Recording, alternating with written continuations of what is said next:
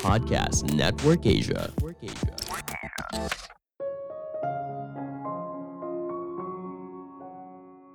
Perusahaan yang baik harus bisa berjalan ketika pemiliknya tidak lagi bekerja di sana.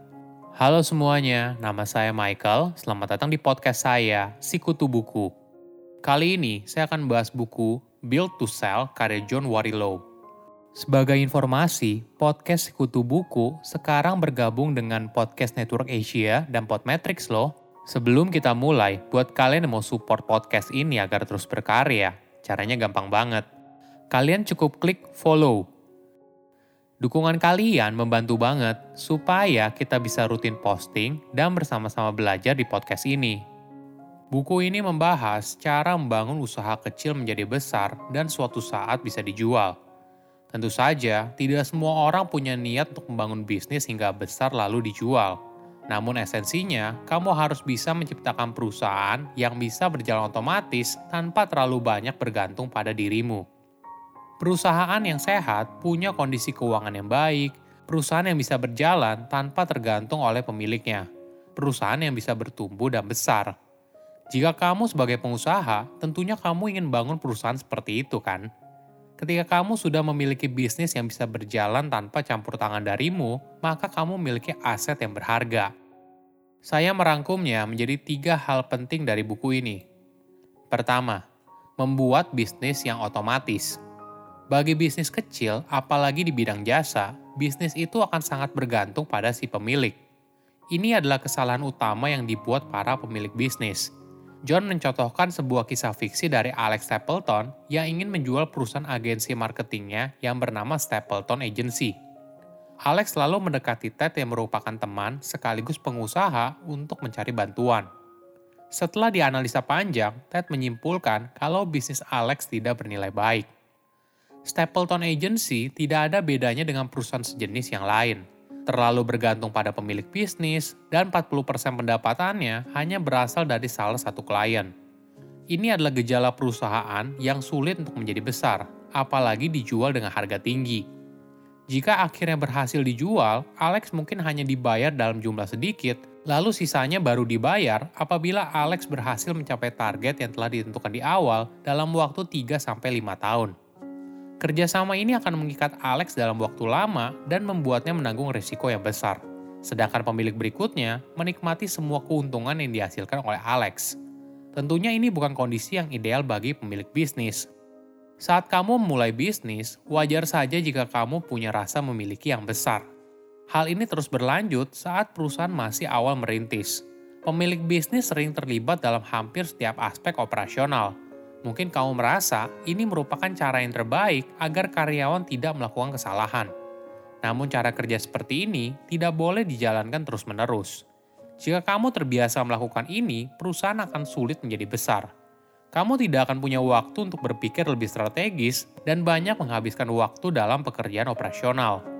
Contohnya begini, Alex menangani semua klien yang ada di perusahaannya Ketika jumlahnya semakin banyak, maka dia harus bertemu dengan klien satu persatu.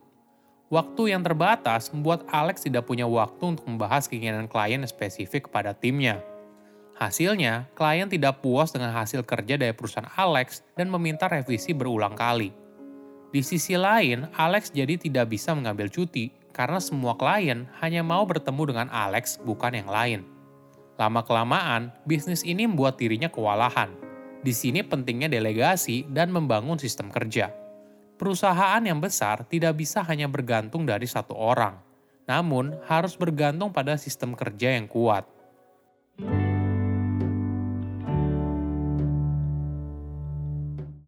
Kedua, keuntungan standar layanan. Dalam buat sebuah bisnis, lebih baik menjual serba ada atau lebih baik jadi spesialis. Tentu saja ini merupakan perdebatan Coba kita kembali ke kisah Stapleton Agency. Perusahaan ini berusaha menyediakan layanan apa pun yang klien inginkan, mulai dari pembuatan website, SEO, hingga iklan radio.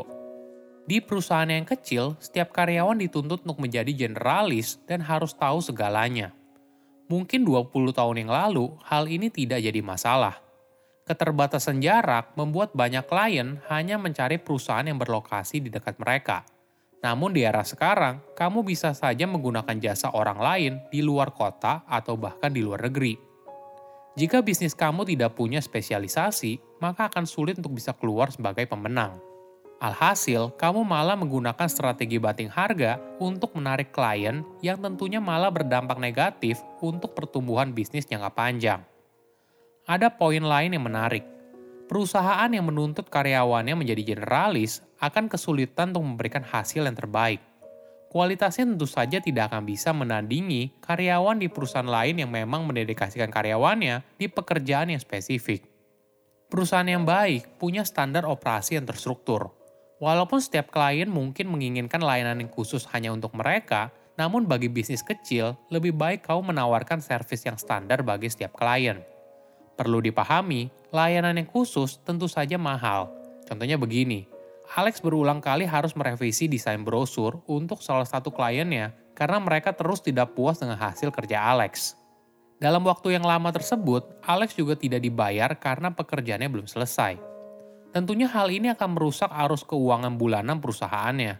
Dengan sistem yang terstandarisasi, kamu tidak tergantung pada klien, tapi kamu yang menentukan sendiri berapa lama waktu yang dibutuhkan untuk menghasilkan sebuah produk atau jasa. Bukan hanya itu, dari awal konsumen juga sudah tahu apa yang mereka beli dari perusahaanmu. Dari situ, kamu bisa mengalokasikan waktu dan sumber daya yang efektif untuk setiap klien.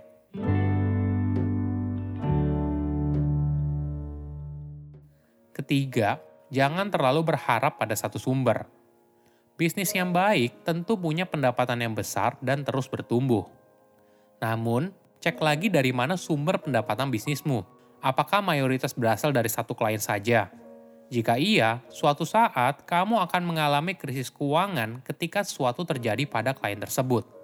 Sebagai contoh, ketika salah satu klien Alex yang menyumbang 40% pendapatan telat membayar, Hal ini langsung mengganggu kondisi keuangan perusahaan Stapleton Agency sehingga Alex kesulitan untuk membayar gaji karyawan dan sewa kantor. Di sisi lain, apabila kamu memiliki seorang klien terbesar, posisi tawar kamu akan lemah. Kamu akan cenderung mengikuti apa permintaan klien agar mereka tetap berada di perusahaanmu. Ini adalah situasi yang berbahaya. John menyarankan tidak ada klien yang melebihi 15% dari total pendapatan, Hal ini untuk mencegah ketergantungan pada klien tertentu. Ketika bisnis semakin bertambah, pemilik tidak boleh terus-menerus bertanggung jawab di bagian penjualan. Bisnis tersebut harus punya karyawan yang khusus bertanggung jawab di bagian penjualan. Namun perlu diingat, kamu perlu merekrut karyawan yang paham produk atau jasa yang kamu tawarkan dan berusaha mencari klien yang membutuhkan. Bukannya berusaha membuat perusahaan menyesuaikan keinginan dari klien yang berbeda. John memberikan tips yaitu dengan merekrut dua tenaga penjual sekaligus. Hal ini akan menciptakan kompetisi yang sehat antar karyawan. Selain itu, kamu tidak terlalu bergantung pada satu karyawan.